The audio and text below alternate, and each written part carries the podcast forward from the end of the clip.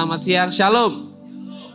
Terima kasih sekali lagi buat semua teman-teman dari GKKD Bandung yang sudah mempercayakan uh, saya untuk memberitakan firman, membagikan kebenaran firman Tuhan hari ini di ibadah Youth GKKD Bandung Pusat. Saya juga mengucapkan selamat siang buat semua teman-teman yang menyaksikan ibadah ini lewat live streaming. Saya berdoa, saya berharap kiranya kebenaran firman Tuhan dapat memerdekakan hidup setiap kita. Amin. Oke, saya ingin ajak setiap kita untuk buka satu ayat yang ada di ulangan pasal yang ke-8, ayat yang ke-18. Ini adalah ayat yang dipesankan kepada saya untuk dikotbahkan. Nah, jadi kita akan buka sama-sama ulangan pasal yang ke-8, ayat yang ke-18. Ulangan pasal yang ke-8, ayat yang ke-18, saya akan bacakan untuk setiap kita. Oke, nih. Tetapi haruslah engkau ingat kepada Tuhan Allahmu, sebab dialah yang memberikan kepadamu kekuatan untuk memperoleh kekayaan. Wah, kalau kekayaan kan langsung semangat ya, langsung kayak tiba-tiba semuanya langsung nyamber gitu, kekayaan gitu kan. Dengan maksud untuk meneguhkan perjanjian yang diikrarkannya dengan sumpah kepada nenek moyangmu seperti sekarang ini. Tema hari ini yang dipesankan kepada saya adalah kuasa untuk memperoleh kekayaan. Siapa yang bahagia temanya luar biasa? Kuasa untuk memperoleh kekayaan, wah luar biasa ya. Langsung pada angkat tangan.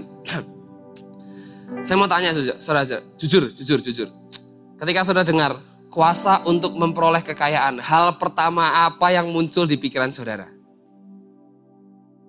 Jujur aja, nggak apa-apa, kayak saya nggak tahu. Apa saudara? Kekayaan ya, uang ya, harta, ya kan, wih langsung dipikir, ini kayaknya bentar lagi aku beli mobil, beli rumah, punya properti, punya ini, punya itu, ganti HP baru, ya kan, ganti laptop baru, ganti ini baru, ganti itu baru. Betul? Itu itu natural, muncul aja di dalam pikiran setiap kita.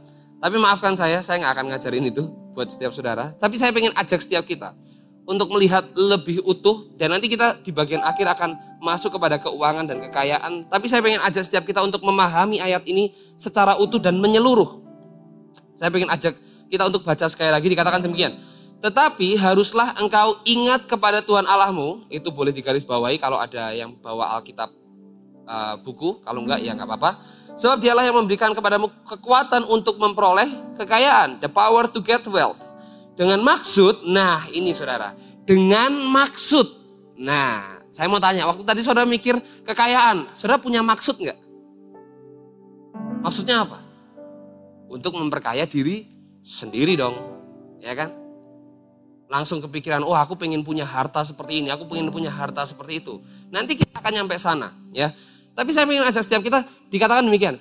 Dengan maksud untuk meneguhkan perjanjian yang diikrarkannya dengan sumpah kepada nenek moyangmu seperti sekarang ini. Jadi kekuatan untuk memperoleh kekayaan, ya kan? Itu ternyata punya tujuan, Saudara. Tujuannya apa? Meneguhkan perjanjian. Itu bukan semata-mata Saudara dapat uang tiba-tiba kayak durian runtuh jatuh aja, bukan. Tetapi kekuatan tersebut diberikan untuk meneguhkan perjanjian janjian. Nah saya mau tanya, janji Tuhan untuk bangsa Israel apa? Apa? Janji Tuhan buat bangsa Israel apa? Masuk ke tanah perjan perjanjian. Betul sekali. Nah, jadi ini bukan sekedar kekayaan tanpa tujuan. Tujuan dari kekayaan, kekuatan untuk uh, mendapatkan kekayaan ini untuk meneguhkan, untuk menggenapi hal-hal, untuk menggenapi janji Tuhan. Nah, saya mau tanya, apakah yang dimaksud?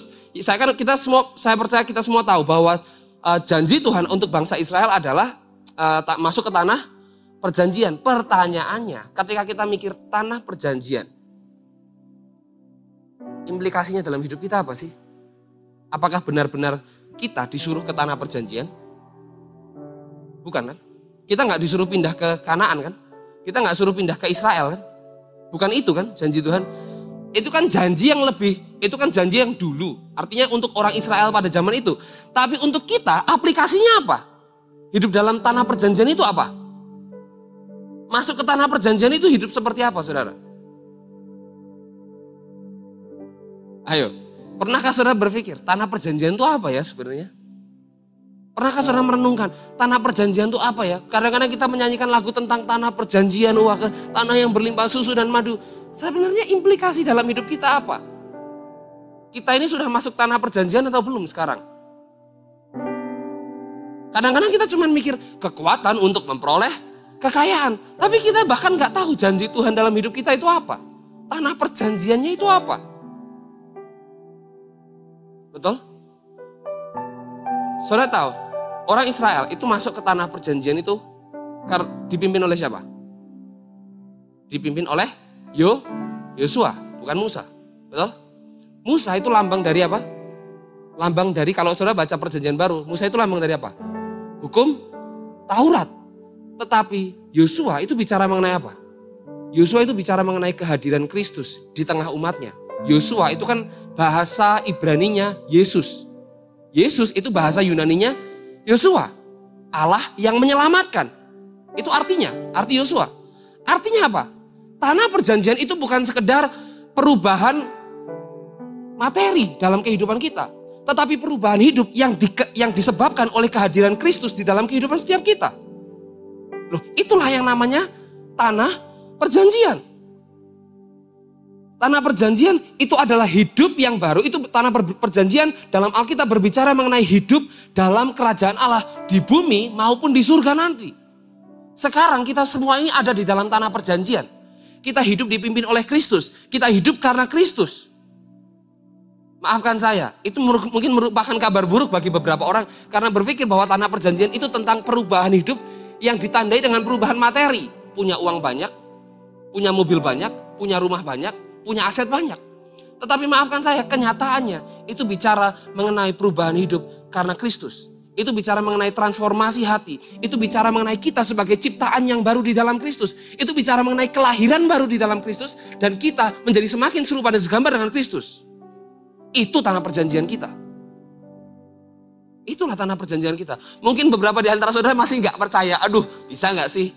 Ini uh, khotbahnya lebih ke arah kekayaan, benar-benar kekayaan. Tapi coba kita lihat perhatikan ayat ini lebih lagi. Ayat yang ke-18 lagi ya, kita buka. Tetapi haruslah engkau ingat kepada Tuhan Allahmu. Kalau sudah baca, ketika seorang raja, ketika seorang nabi atau tokoh pemimpin di Israel, itu bicara mengenai ingatlah Tuhan Allahmu. Kalau sudah baca di kitab raja-raja, sudah baca di kitab Tawari, kalau ada nabi-nabi di situ, mereka berkata, ingatlah, ingatlah kepada Allahmu. Itu bicara mengenai apa sih? Peristiwa apa yang disuruh ingat? Peristiwa, peristiwa apa? Peristiwa apa yang disuruh uh, apa namanya nabi-nabi untuk terus diingat itu peristiwa apa? Peristiwa apa? Peristiwa mereka dikeluarkan dari bangsa Mesir dan dipelihara selama 40 tahun di mana? Tanah perjanjian. Dan itu bicara mengenai apa? Itu bicara mengenai penebusan Kristus. Dan pemeliharaan Kristus di dalam kehidupan kita. Penyediaan Kristus dalam kehidupan kita. It's all about Christ. Ini semua tentang Kristus. Ayat ini bicara mengenai Kristus. Ini bicara, ayat ini bicara mengenai hidup yang ditebus oleh Kristus dan hidup yang terus menjadi semakin serupa dan segambar dengan Kristus. Dan bukankah itu yang dijanjikan oleh Kristus dan bukan itu bukankah itu yang dikatakan oleh Allah? Kita buka sama-sama Efesus pasal yang pertama ayat yang ketiga. Harusnya ayat ini di belakang nanti. Dikatakan demikian, terpujilah Allah dan Bapa Tuhan kita Yesus Kristus yang dalam Kristus telah mengaruniakan kepada kita apa? Segala berkat rohani di dalam surga. Kita coba buka sampai ayat yang ke-8. Efesus uh, ayat yang keempat lanjut. Sebab di dalam dia Allah telah memilih kita sebelum dunia dijadikan supaya kita kudus dan tak bercacat di hadapannya. Dalam kasih ia menentukan kita dari semula oleh Yesus Kristus untuk menjadi anak-anaknya sesuai dengan kerelaan kehendaknya. Supaya terpujilah kasih karunia-Nya yang mulia yang dikaruniakannya kepada kita di dalam dia yang dikasihnya. Sebab di dalam dia oleh darahnya kita beroleh penebusan yaitu pengampunan dosa menurut kekayaan kasih karunia-Nya yang dilimpahkannya kepada kita dalam dalam segala hikmat pengertian. Kekayaan yang sejati itu terdapat pada Kristus. Dan hanya di dalam dia kekayaan sejati itu kita miliki. Kekayaan kita yang sejati itu terdapat dalam Kristus. Kepuasan kita yang sejati itu tidak terletak pada barang-barang. tidak terdapat pada materi, tidak terdapat pada properti, tidak terdapat pada aset, tetapi tetapi terletak di dalam Kristus. Dan itu yang harusnya kita kejar dan itu yang harusnya kita cari. Jadi enggak jadi ayat ini, ayat ulangan ulangan 8 ayat 18 itu bukanlah ayat yang semata-mata bicara mengenai janji Tuhan untuk untuk keuangan dalam hidup kita. Sekalipun, sekalipun keuangan terlibat dalam hal ini. Nanti 5 menit terakhir saya ngomongin keuangan. Tapi luas lagi, hal ini bicara mengenai apa yang Allah sudah kerjakan dalam hidup kita dan penyediaannya untuk kehidupan kekristenan kita. Sehingga, tadi kan dikatakan ya, uh, ingatlah kepada Tuhan Allahmu. Kamu memperoleh kekuatan untuk uh, apa namanya? Kekuatan untuk memperoleh kekayaan, ya. Lalu yang terakhir apa? Untuk meneguhkan perjanjian. Di sini kita ngerti bahwa ini bicara mengenai penebusan, ini bicara mengenai transformasi hari demi hari menjadi semakin serupa dan segambar dengan Kristus. Maka pertanyaan saya, kekayaannya apa? Kekuatan untuk memperoleh kekayaan ini apa? Kekayaan ini apa? Yang dimaksudkan ini apa loh? Karena nggak ada hubungannya kalau kita hanya bicara sebe, hanya uang, ini nggak ada hubungannya dengan dua ini. Uang nggak ada hubungannya dengan menjadi semakin serupa dengan Kristus. Adanya semakin orang ketika dia semakin berpusat pada uang, kemarin malam kita ngobrol, semakin jauh dari Tuhan. Seringkali seperti itu. Hari-hari semakin banyak anak-anak muda yang cepat dapat uang. Itulah kenapa di antara mereka, banyak di antara mereka melupakan Tuhan. Karena mereka merasa mereka menjadi Tuhan atas hidup mereka sendiri karena mereka punya uang yang sejatinya mereka bukan berkuasa atas uang, tapi uang berkuasa atas mereka. Mereka tidak berkuasa atas uang, tetapi mereka diperhamba oleh uang. Tetapi di dalam Kristus kita ngerti sama-sama bahwa Kristus itu nggak anti uang kok. Saya juga nggak anti uang, saya tetap butuh uang, saya tetap butuh uang, ya. Tapi jangan sampai uang itu memperhamba hidup kita. Salah satunya kan itu, hidup di dalam Kristus itu kan kita tidak diperhamba oleh apa pun selain pada Kristus. Kita tidak menyerahkan hidup kita pada apa pun yang lain selain pada Kristus, termasuk pada uang. Nah, sehingga kekayaan di sini tidak hanya bicara mengenai keuangan materi, ke keuangan atau materi, tetapi di dalam Kristus kita memperoleh kekayaan sesungguhnya. Apa dikatakan tadi di Efesus? Ada penebusan, pengampunan dosa, Roh Kudus, hikmat, pengertian, buah-buah roh, roh yang baru, hati yang baru, identitas yang baru. Loh, itu kan kekayaan yang kita nikmati untuk menjadi semakin serupa dengan Kristus identitas yang baru di dalam Kristus, kita menjadi kita menjadi seperti anaknya, kita menjadi anak Allah. Loh, itu kan kekayaan yang harus kita nikmati. Dan yang menarik adalah itu bukan karena usaha kita. Itu bukan karena usaha kita. Kita lihat sama-sama um, ayat yang ke-17. Ulangan ulangan pasal yang ke-8 tadi, ayat yang ke-17. Dikatakan demikian maka janganlah kau katakan dalam hatimu, kekuasaanku dan kekuatan tangankulah yang membuat aku memperoleh kekayaan ini. Jangan, jangan berpikir, jangan berpikir apa? Jangan berpikir kalau kita bisa hidup di dalam tanah perjanjian itu karena kekuatan kita. Jangan berpikir karena kita hebat, lalu kita menjadi semakin serupa dan segambaran Kristus. Jangan berpikir karena kita setia, karena kita hebat, karena kita rajin, karena rendah hati, karena kita begini, karena kita begitu. Itu yang membuat kita semakin serupa dengan Kristus. Loh kak, lalu apa yang membuat kita semakin serupa dengan Kristus kalau bukan diri kita? Kalau bukan keputusan kita dan kehebatan kita apa kak? Yang membuat kita semakin serupa dan segambaran Kristus. Kita lihat Filipi pasal yang kedua ayat yang ke-13. Filipi pasal yang kedua ayat yang ke-13. Dikatakan demikian. Karena apa? Karena Allah lah yang mengerjakan di dalam kamu apa? Baik apa?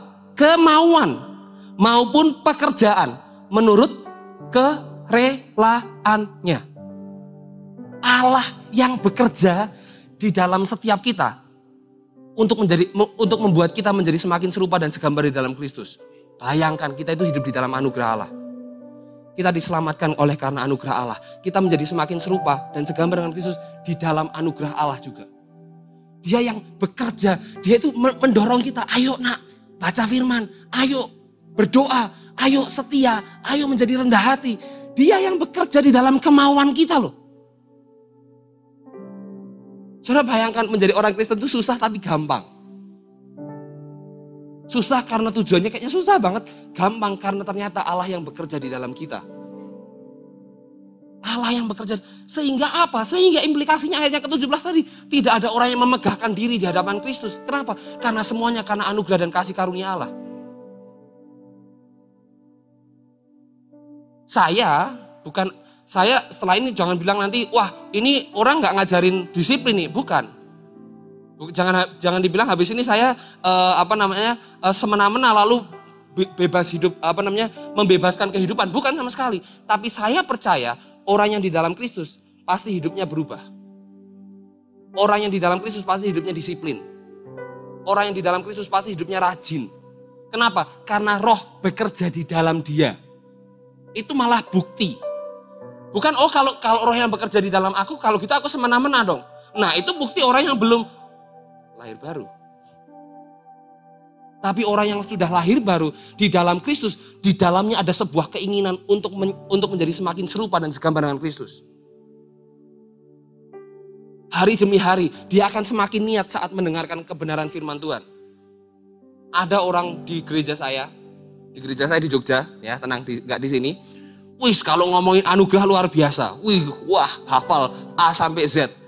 Tapi mohon maaf, waktu ibadah ketiduran datang telat satu jam sampai sampai tempat sampai tempat ibadah tidur. Apakah anugerah bekerja di dalam dia? Anugerahnya cuma sampai sini, nggak sampai sini. Tapi ketika anugerah Allah bekerja di dalam hidup seseorang, wah dia akan semakin bersuka cita. Dia akan bekerja lebih keras seperti Paulus. Dia akan memberi lebih banyak seperti jemaat di Makedonia. Sekalipun mereka berkekurangan, mereka berkelimpahan di dalam Kristus. 2 Korintus kita akan, ih ma mohon maaf nih. Hidup di dalam tanah perjanjian itu bukan semata-mata saudara. Tiba-tiba menjadi kaya. Enggak. Tapi kita jadi rajin. Bekerja. Bukan tiba-tiba jadi pinter, otakmu berubah, otakmu berubah enggak di kayaknya cadangan otak di, di di surga udah pas gitu loh. Udah pas. Tapi kita punya keinginan untuk belajar. Kemalasan itu pergi dari hidup kita. Kita ngerti, aduh aku ini orang malas, tapi aku akan berusaha belajar semaksimal mungkin. Kita tahu kita malas. Semalam saya ngobrol sama uh, Bang Saud waktu dalam perjalanan pulang. Bang saya ini punya pergumulan. Pergumulan saya apa? Saya itu sulit ketemu orang dan saya sulit memuridkan. Tapi saya ngerti panggilan Tuhan di dalam hidup saya untuk memuridkan. Jadi saya paksa hidup saya. Kenapa? Karena saya nggak mau sia-siakan anugerah Tuhan dalam hidup saya. Itu keku, itulah kekayaan yang Tuhan berikan. Dan kekuatannya datang dari dia, saudara. Dia yang bekerja di dalam kamu loh. Wow. Kalau saudara, sehingga apa? Sehingga ketika saudara rajin, saudara gak bilang, nih gue lebih rajin daripada yang lain. Aku lebih rajin, datang ibadah lebih awal. Kalau doa bahasa rohnya lebih kencang daripada yang lain, ya kan? Itu ganggu, ya kasih tahu. Ya kan kadang-kadang ada orang yang kayak, ya Gak, gak jadi deh, jemaat orang gak jadi, gak jadi. Kalau jemaat saya sih saya berani nyindir-nyindir. Ya kan, kadang-kadang ada orang-orang yang bermegah atas apa yang dia kerjakan. Loh, itu gak sadar bahwa segala sesuatunya yang dia miliki, bahkan kemauannya loh. Kemauan, kemauan itu kan gak kelihatan ya. Kemauannya itu datang dari Allah loh. Kemauan saudara melayani di sini, nyanyi, main musik, itu datang dari Allah loh. Wow, Semalam kita dengar berita mengenai Allah yang mencari kita. Betul? Tapi hari ini kita mendengar berita mengenai Allah yang memampukan setiap kita. Menguatkan kita untuk terus menjadi semakin serupa dan segambar dengan Kristus. Itu berita baik saudara. Bukankah itu, terus mungkin saudara akan bertanya, Kak bukankah itu berita buruk ya? Saya jadi nggak punya signifikansi dong dalam kehidupan saya. Saya kasih tahu, itu kabar baik saudara. Karena kalau yang bekerja kita, maka kita nggak akan setia sampai akhir. Never. Kita nggak akan setia sampai akhir. Tetapi di dalam Kristus, dia yang jamin kita, saudara. Dia yang jamin kita. Dia yang memampukan kita. Ayo nak setia sampai akhir, memuridkan, menggembalakan, pendalaman Alkitab, ayo persekutuan, ayo ibadah. Orang di dalam Kristus, hari ini mungkin telat 15 menit waktu ibadah. Minggu depan dia akan telatnya 10 menit, lumayan kan? Progres. Ya kan? Minggu depannya lagi 5 menit, minggu depannya lagi on time loh. Itu progres loh saudara. Atau mungkin yang telat ibadah pertama bilang, oh saya datangnya buat ibadah kedua kok. Jadi datang lebih awal. Ya gak masalah juga, terserah lah. Tapi selalu ada progres di dalam hidupnya. Kenapa? Karena roh bekerja, mengubah kemauannya. Amin. Kita lihat ayat favorit saudara semua, saya yakin.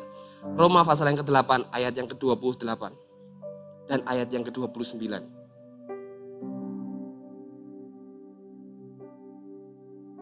Roma pasal yang ke-8 ayat yang ke-28 dan ayat yang ke-29. Dikatakan demikian. Kita tahu sekarang bahwa Allah bekerja dalam segala sesuatu untuk apa? Mendatangkan kebaikan bagi mereka yang mengasihi Dia, yaitu bagi mereka yang terpanggil sesuai dengan rencana Allah. Saya mau tanya, ketika saudara baca ayat ini, kebaikan pertama yang saudara muncul dalam pikiran saudara apa? Kebaikan apa? Tiba-tiba perubahan kondisi kan? Perubahan kondisi bukan? Wah, dari bermusuhan jadi berbaikan, dari miskin jadi kaya, dari bodoh jadi pintar, ya kan? Dari keluarga yang berantakan jadi keluarga yang harmonis. Betul? Itu kan yang pertama kali kita muncul. Pertama kali muncul dalam pikiran kita. Tapi coba kita baca satu ayat lebih jauh, ayat yang ke-29. Yang kalah populer dibanding ayat sebelumnya.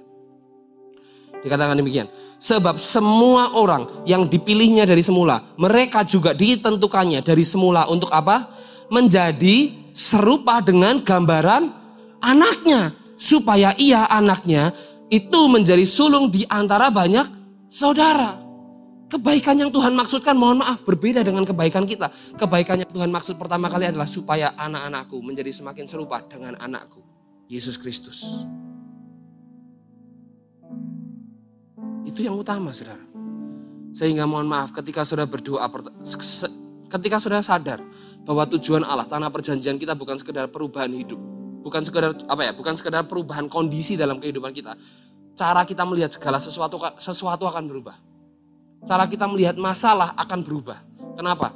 Karena masalah tidak akan jadi masalah. Kenapa? Karena dia kita ngerti, yang pertama berubah haruslah hati kita. Cara kita berdoa akan berbeda. Kita nggak berdoa, Tuhan tolong ubahkan dia, tolong ubahkan ini, tolong ubahkan itu. Tapi kita berkata, Tuhan ubahkan ini, hatiku. Beri aku kekuatan untuk memperoleh kekayaan surgawi supaya menjadi semakin serupa dengan Kristus. Cara berdoa kita akan berubah, saudara. Cara kita memandang segala sesuatu akan berubah, saudara. Cara kita memandang permasalahan, kita nggak pandang itu sebagai permasalahan. Tetapi kita akan lihat itu sebagai jalur untuk menjadi semakin serupa dan segambar dengan Kristus. Kita nggak akan mulai mencari kesalahan orang. Wih, ini kondisiku seperti ini karena orang lain nih. Karena orang ini, orang itu. Enggak.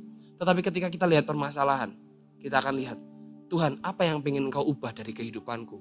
Kekayaan apa yang kau pengen tambahkan dalam kehatiku? Supaya aku menjadi semakin serupa dan segambar dengan anakmu. Amin. That is the power to get wealth. Itu adalah kekuatan untuk memperoleh kekayaan yang sejati. Yaitu Yesus Kristus. Amin.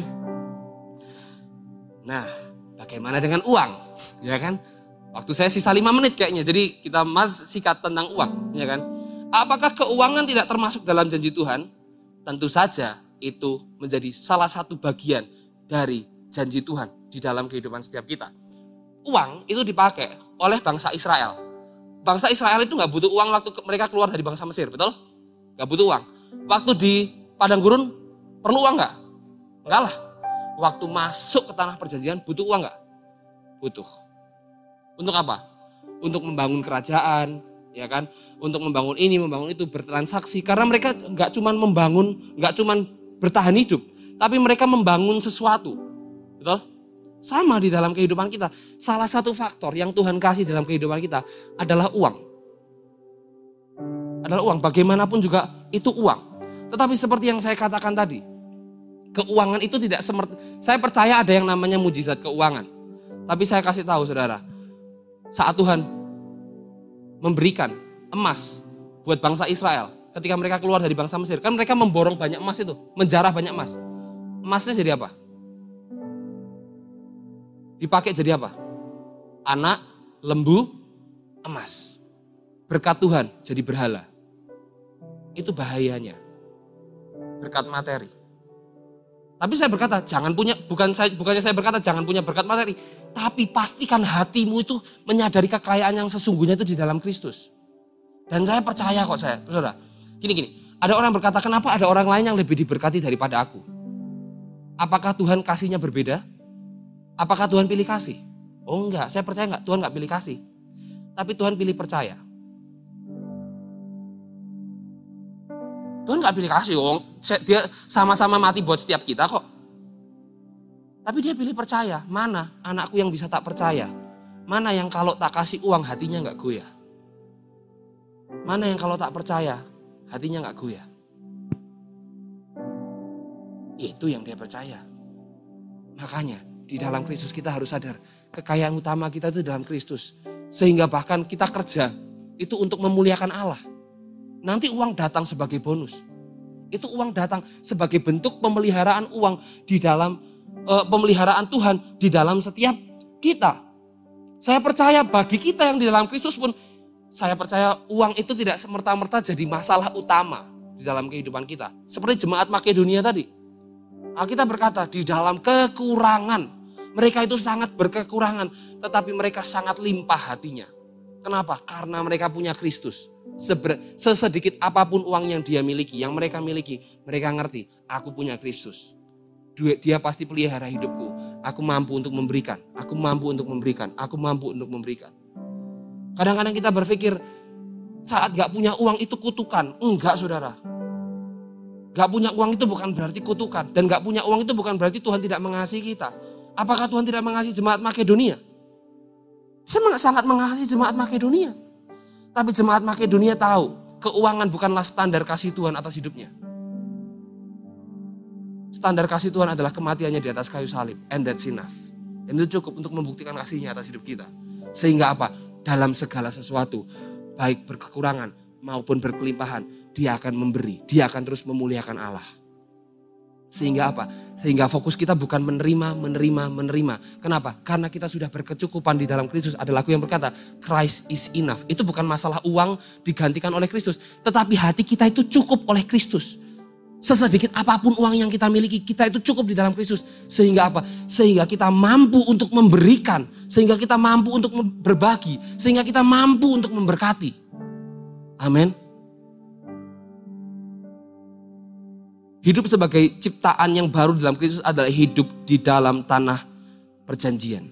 Kalau saudara pengen kaya, hiduplah. Saudara, saudara berpikir, aku pengen kaya dan saudara di dalam Kristus. Apa yang harus saudara lakukan? Saudara pengen kaya dan saudara adalah orang yang sudah baru di dalam Kristus. Apa yang harus saudara lakukan? Gampang, kerja. Udah itu aja, kerja.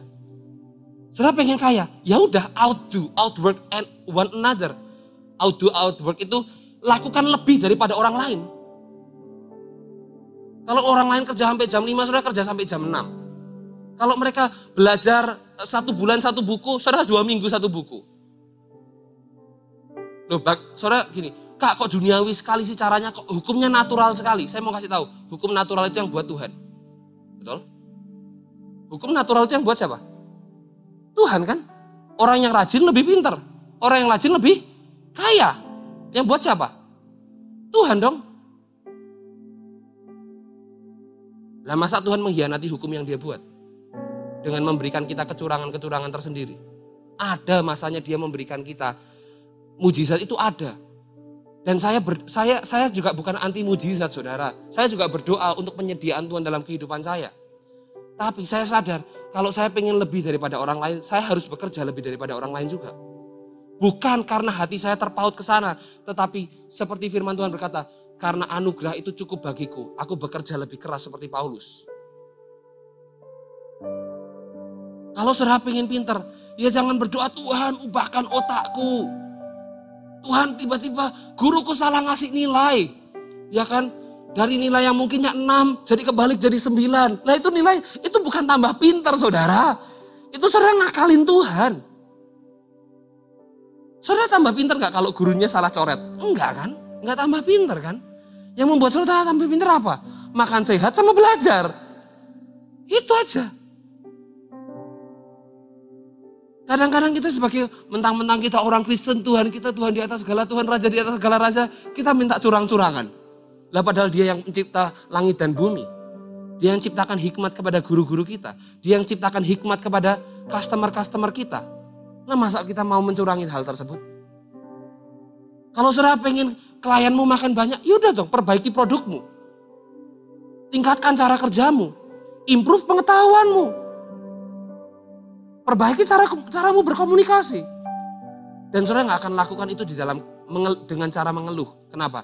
Karena kamu sudah jadi ciptaan baru di dalam Kristus. Itu bukan menjadi beban, itu jadi kehormatan, saudara. Kalau aku bisa bekerja lebih banyak, itu jadi sukacita. Dan kemauan itu datang dari Allah. Amin. Itu yang namanya the power to get wealth. Utuh, kelimpahannya itu utuh saudara. Kelimpahannya itu utuh. Gak cuma materi, materi, materi, materi, materi. Enggak saudara. Tetapi di dalam Kristus kita benar-benar memiliki kekuatan, kekayaan, kerajinan, keinginan saudara. Ketekunan, kegigihan untuk belajar. Amin. Kita memperoleh itu saudara. Kenapa? Karena kita adalah ciptaan yang baru di dalam Kristus. Saudara boleh, saya percaya satu hal saudara, tetap saudara berdoa, Tuhan berikan aku hikmat. Loh, itu satu hal yang baik saudara. Saudara itu boleh minta apa pun kepada Tuhan. Tapi juga Tuhan boleh menolak apa pun dari permintaan saudara, betul? Tapi saudara boleh minta Tuhan berikan aku hikmat pekerjaan yang baru, bisnis yang baru. Bagaimana Tuhan supaya aku bisa belajar lebih maksimal. Bagaimana aku bisa ber, uh, bekerja lebih maksimal. Itu boleh saudara berdoa. Tapi jangan lupakan saudara, Jangan sampai saudara berdoa tersebut karena saudara males. Kan banyak orang minta mujizat karena dia males. Mujizat itu tidak lahir dari kemalasan saudara. Mujizat itu lahir dari hati yang berserah. Bukan dari kemalasan saudara. Dan berserah itu lahir karena sadar semuanya karena anugerah Allah di dalam kehidupannya. Amin, saudara.